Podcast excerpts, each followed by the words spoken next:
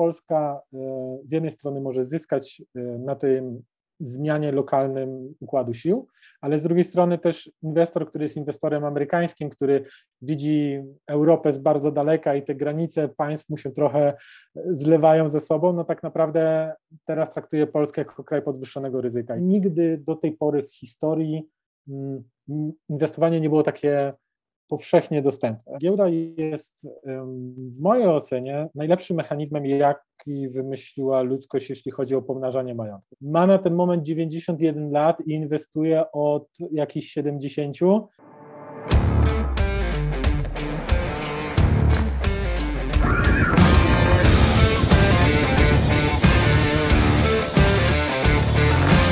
Aby być na bieżąco, kliknij subskrybuj i dzwoneczek. Angelika Wielgus-Lach, zapraszam na program Kulisy Sukcesu.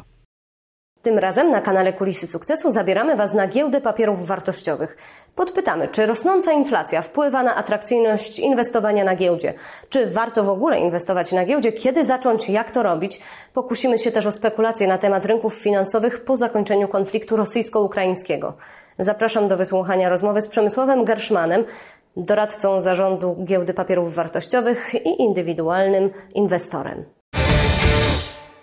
Panie Przemysławie, jedni inwestują w kryptowaluty, inni w nieruchomości, a Pana zdaniem w co warto lokować swoje pieniądze w obecnych czasach? Przede wszystkim, bez względu na to, jaką mamy sytuację rynkową, powinniśmy lokować pieniądze w to, na czym się znamy, to, co mamy w pełni zgłębione i to, z czym czujemy się komfortowo, bo nie ma za bardzo sensu inwestowania w jakieś bardzo zawiłe produkty, jeśli przez to potem po prostu nie będziemy w stanie spać spokojnie w nocy i całe nasze życie zostanie pochłonięte przez tą inwestycję. Więc jakby bez względu na czasy, w których jesteśmy, zawsze powinniśmy w pierwszej kolejności poznać dokładnie produkt, w który e, chcemy zaangażować nasze oszczędności. Natomiast czasy są bardzo specyficzne. Specyficzne są dlatego, że tak naprawdę spora część ludzi w Polsce i na całym świecie będzie teraz w jakimś stopniu zmuszona do tego, żeby inwestować, bo ciągle słyszy informacje o bardzo wysokiej inflacji, o inflacji sięgającej e, no w wielu krajach takich jak Polska, no wyników dwucyfrowych, tak, mamy inflację w okolicach 10%, E, więc wiele osób będzie się zastanawiało, czy to nie jest pomysł, czy to nie jest moment na to, aby te środki, które mają e, gdzieś tam zgromadzone jako oszczędności, które miały być tą poduszką finansową, czy aby ich nie zainwestować. Jak pokazała historia, giełda jest bardzo dobrym sposobem na pomnażanie pieniędzy. Zgodzi się Pan? Tak, zdecydowanie. Giełda jest bardzo dobrym miejscem na, tym, żeby, na to, żeby pomnażać pieniądze, a niekoniecznie, żeby budować ten majątek od zera. I to jest takie drobne nieporozumienie. Ludziom się wydaje, że można przyjść z tysiącem złotych i wyjść ze stoma tysiącami po trzech dniach, statystycznie, historycznie komuś mogło się to udać, ale jakby przeciętnej grupie inwestorów, e, no to się nigdy nie uda. To, to tylko jest łód szczęścia. Także jeśli mamy już jakieś środki liczone w dziesiątkach tysięcy, no to zdecydowanie możemy przyjść na giełdę i próbować pomnożyć nasz majątek. Natomiast jeśli chcielibyśmy od zera dorobić się fortuny, inwestując jakieś pojedyncze kwoty na giełdzie, to jest to dużo, dużo, dużo trudniejsze. Dlatego musimy przede wszystkim dać sobie więcej czasu inwestując na giełdzie. Najlepszym przykładem takiego budowania gigantycznego majątku dzięki giełdzie jest Warren Buffett, który ma na ten moment 91 lat i inwestuje od jakichś 70 i robi to cały czas jakby co roku bez szukania szybkich zysków. On tak naprawdę w skali roku, patrząc historycznie, zarabia około 15%, co takiemu nowemu inwestorowi giełdowemu w ogóle nie zaimponuje, no bo czymże jest 15%? To jest 1500 zł od 10 tysięcy po roku. Natomiast jeśli będziemy taki wynik powtarzali przez 10, 20, czy no tak jak Buffett 50 czy 60 lat, no to naprawdę dorobimy się fortuny. No właśnie, on zaczął inwestować w bardzo młodym wieku i teraz jest jednym z najbardziej znanych inwestorów na świecie. Czy Pana zdaniem e, właśnie ten młody wiek też mógł się przyczynić do takiego dużego sukcesu Warrena Buffetta? Tak naprawdę do jego sukcesu raz, że się przyczynił młody wiek, no bo on faktycznie zaczął bardzo wcześnie, ale Buffett, jak sam przyznaje, miał dużo szczęścia, dlatego że jego ojciec pracował w branży finansowej, więc czym skorupka za młodu, było mu po prostu dużo, dużo łatwiej. Poza tym urodził się w latach, które w kolejnym czasie jakby w Stanach mieliśmy gigantyczną hossę. Tam po, po drodze były wiadomo pewne e, spadki i korekty i kryzysy, ale generalnie no, Buffett załapał się na wszystkie te największe hossy, które uczyniły wielu, wiele osób multimilionerami w Stanach. wystarczyło się załapać na jedną hossę, on się załapał na wszystkie, bo inwestuje, tak jak wspomniałem, od bardzo długiego czasu. Także szczęście tutaj zdecydowanie też zawsze pomaga. A w jaki sposób rosnąca inflacja wpływa na atrakcyjność inwestowania na giełdzie? Wpływa w ten sposób, że przede wszystkim czujemy tą chęć, że powinniśmy zacząć inwestować. Tak? Czyli z jednej strony to może być chęć taka nieprzymuszona, ale z drugiej strony no, osoby, z którymi ja rozmawiam, które do tej pory nie inwestowały, mówią wręcz o takiej presji, że mają na rachunku 100 tysięcy w oszczędnościach i teraz słyszą, że to straciło 10%, czyli mają już 90 tysięcy, więc szukają jakby czegoś, gdzie mogliby zacząć inwestować, jakiegoś miejsca. Natomiast y, no, taka presja wywierana na inwestorów wcale nie ułatwia nam sytuacji, no bo każdy z nas, który ma oszczędności, się dowiedział, że że w zeszłym roku jego pieniądze straciły jedną dziesiątą, można tak jakby statystycznie powiedzieć, to teraz bardzo szybko chciałby tą jedną dziesiątą odzyskać i jeszcze kolejną jedną dziesiątą, żeby w tym roku nie stracić, czyli no, musiałby zarobić już około 20%, co wcale nie jest e, takie łatwe. Pamiętajmy, że wysoka inflacja wpływa też na to, że jest wyższy koszt finansowania się firm. Nie tylko my, jako osoby indywidualne, mamy wyższe koszty życia, ale firmy też mają wyższe koszty, więc no ta presja na rynku, jeśli chodzi o tą stopę zwrotu, jest tylko rosnąca z uwagi na to, że, że jest duża inflacja. A jeśli się przejdziemy do naszych banków i sprawdzimy, ile mamy na lokację, to pewnie mamy tak samo mało, jak mieliśmy jeszcze rok temu, albo symbolicznie więcej, nadal są to jakby odsetki rzędu 1 czy 2%. I dlatego jakby inwestorzy są spychani w kierunku tych bardziej ryzykownych aktywów, jakimi są choćby akcje czy nieruchomości. Dla osoby, która chce dopiero rozpocząć swoją przygodę z inwestowaniem na giełdzie, jakby Pan mógł w skrócie powiedzieć, dlaczego warto?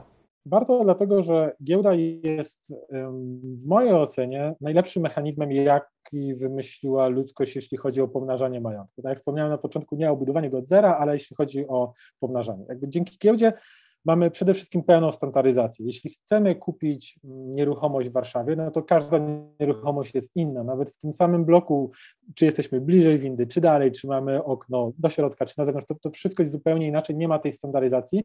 Natomiast każda akcja firmy Apple, czy firmy KGHM, czy Facebooka, no jest dokładnie taka sama. Mamy pełną standaryzację i to już nam zabiera dużo, e, jakby daje nam dużo czasu, bo nie musimy szukać w ramach tej samej inwestycji jakichś rozwiązań standaryzowanych. Kolejna sprawa jest taka, że e, inwestorzy, mm, inwestora tak naprawdę nie da się okraść, mówiąc wprost, dlatego że te akcje, które mamy na giełdzie, one tak naprawdę nie są na giełdzie, one są zdeponowane e, w Krajowym Depozycie Papierów Wartościowych i na każdej giełdzie na świecie są takie oddzielne izby rozrachunkowe, które są powiernikami naszych akcji, więc no, bardzo trudno jest inwestorowi zabrać E, akcje albo stracić je w jakiś dziwny sposób, przelewając je z konta na konto. Natomiast nieruchomości, środki trwałe, biżuteria, sztabki złota, czy wspomniane e, wcześniej kryptowaluty można stracić czasami nawet bardzo łatwo. Dlatego już patrząc od tych stron, to jest, e, to bardzo mocno przemawia pro giełda i bardzo mocno przemawia to, że no w przypadku zdecydowanej większości aktywów notowanych na giełdzie mamy pełną płynność. No, gdybym ja chciał sprzedać E, swoją nieruchomość, w której teraz mieszkam, no to nie zrobię tego jednym kliknięciem. Natomiast na giełdzie w przeciągu kilku sekund mogę się pozbyć wszystkich aktywów, które mam, no bo ta płynność i zainteresowanie giełdą jest tak duże, że no bez problemu e, się tego pozbędę.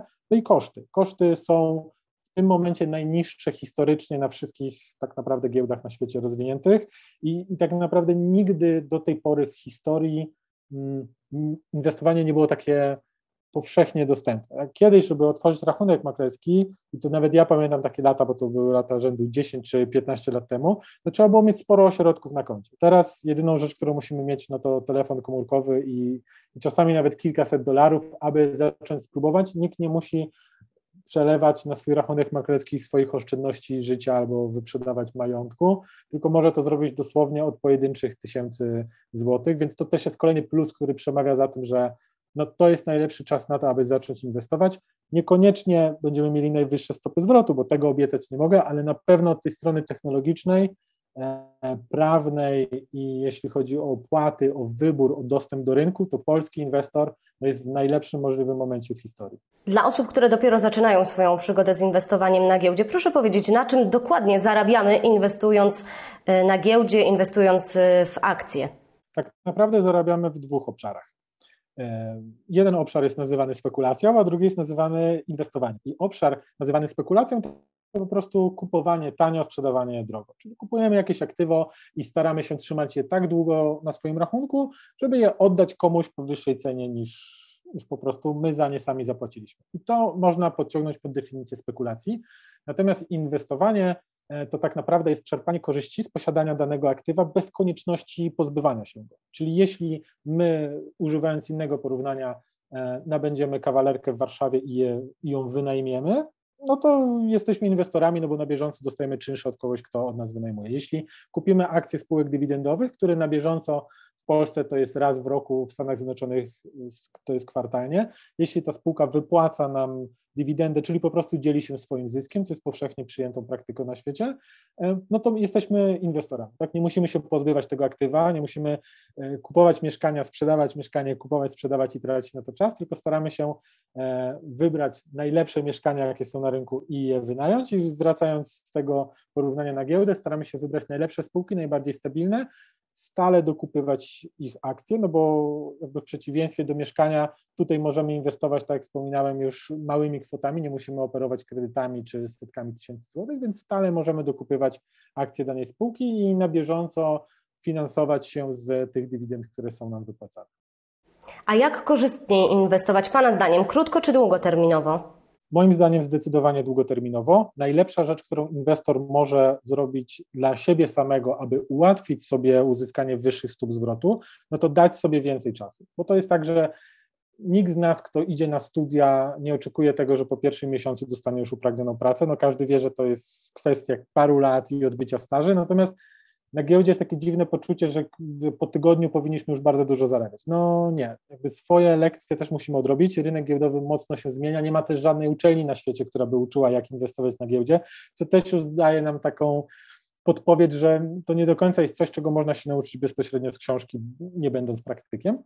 E, I jeśli damy sobie więcej czasu, no to jest trochę tak, jak ja zawsze, jak rozmawiałem z klientami, gdy jeszcze pracowałem w banku, mówiłem im na zasadzie, że patrzyliśmy za okno i próbowaliśmy się założyć, kiedy się zmieni pogoda. I zawsze ta osoba po drugiej stronie wolała mieć więcej czasu na to, kiedy ta pogoda się zmieni, niż się założyć, że ona na pewno się zmieni za 30 sekund. No nie, no zawsze jest lepiej mieć więcej czasu na zrealizowanie naszych prognoz. I jeśli my prognozujemy, że dane akcje, które kupiliśmy, albo jakieś inne aktywa będą rosły, no to też lepiej, żeby dać tym aktywom więcej czasu na zrealizowanie e, naszych założeń, zwłaszcza, że no, akcje nie rosną liniowo. To nie jest tak, że one rosną codziennie o 1,1% przez 300 dni w roku, tylko one zazwyczaj przez większość sesji są bardzo płaskie, czasami e, tanieją, ale te kilka sesji kluczowych to są te sesje, które decydują o wyniku naszym w całym roku. Było nawet kiedyś takie badanie w Stanach Zjednoczonych, e, które pokazywało, że jeśli mm, ominiemy pięć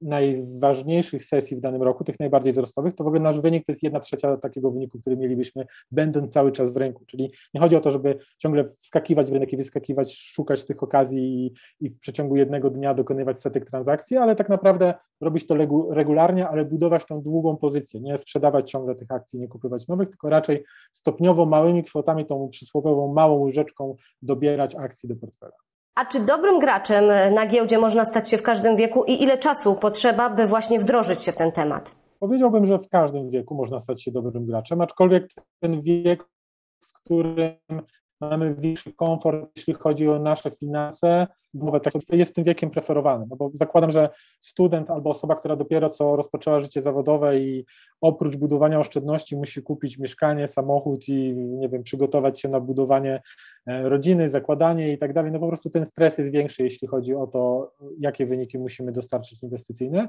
więc wydaje mi się, że takim idealnym moment jest ten moment, kiedy już mamy kilka lat za sobą pracy zawodowej i ta sytuacja nasza osobista jest trochę ustabilizowana i faktycznie możemy sobie pozwolić na to, żeby e, mieć mieć oszczędności, które będą e, zainwestowane na giełdzie. Natomiast te lata bliskie Buffettowych, czyli wiek już prawie 100 lat, znowu nie do końca jest najlepszym czasem, dlatego że to są raczej lata te takie emerytalne, to, to, są czasy, w których raczej się poleca, aby wypłacać z rachunku maklerskiego stopniowo pieniądze, żeby po prostu je wydać, tak? No bo jakby koniec końców naszym celem jest e, no, albo przekazanie naszego majątku kolejnemu pokoleniu, albo też skorzystanie z niego w wieku emerytalnym, dlatego że wielu inwestorów inwestuje właśnie po to, żeby na emeryturze czerpać z nich korzyści. Więc wydaje mi się, że no ten wiek, e, mówiąc ogólnie średni, jest najlepszym czasem na to, żeby żeby zacząć inwestować.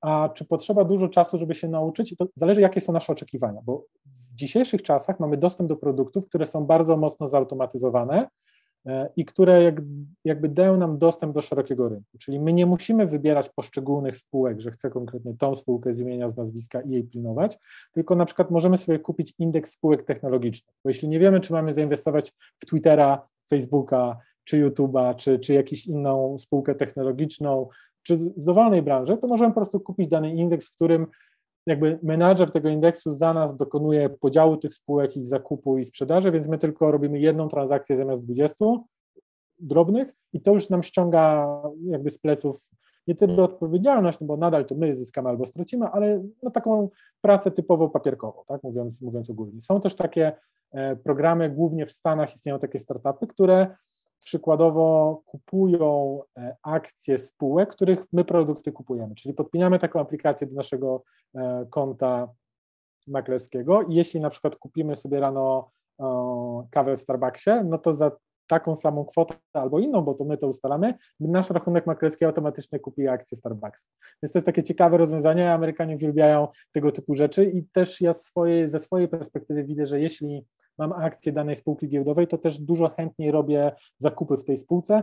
Wiadomo, że to są jakieś ułamkowe części e, promili, ale tak czuję się trochę jakbym był u siebie i robił zakupy u siebie.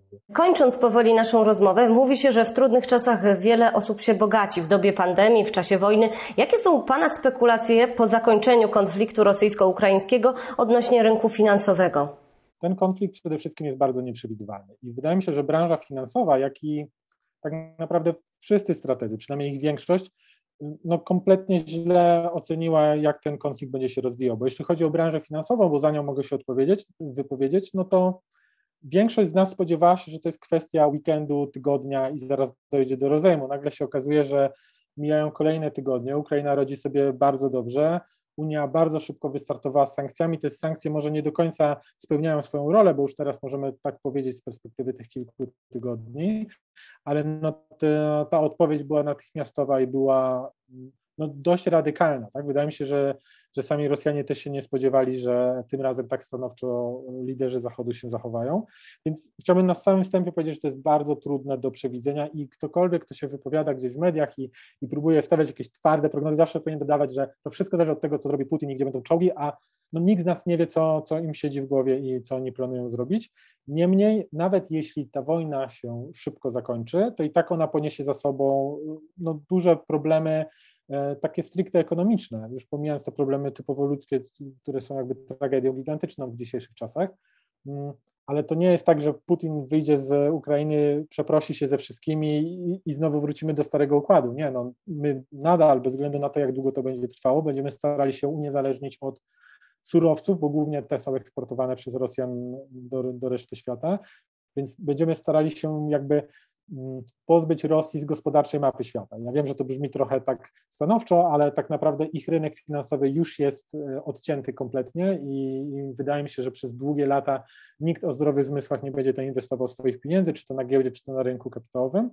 E, no ale też jakby ta zmiana łańcucha dostaw i jakby postawienie na zupełnie, zupełnie inne inwestycje w innych rejonach świata, no tak czy inaczej, bez względu na to, kiedy i czy i, i na jakich warunkach ta wojna się skończy, no będzie musiało mieć miejsce. Więc trzeba też mieć z tyłu głowy, że Polska e, z jednej strony może zyskać e, na tym zmianie lokalnym układu sił, ale z drugiej strony też inwestor, który jest inwestorem amerykańskim, który widzi Europę z bardzo daleka i te granice państw mu się trochę zlewają ze sobą, no tak naprawdę teraz traktuje Polskę jako kraj podwyższonego ryzyka i to też widzimy choćby w walutach i, i złotym, który pomimo podwyżek stóp procentowych no nadal jest bardzo słaby.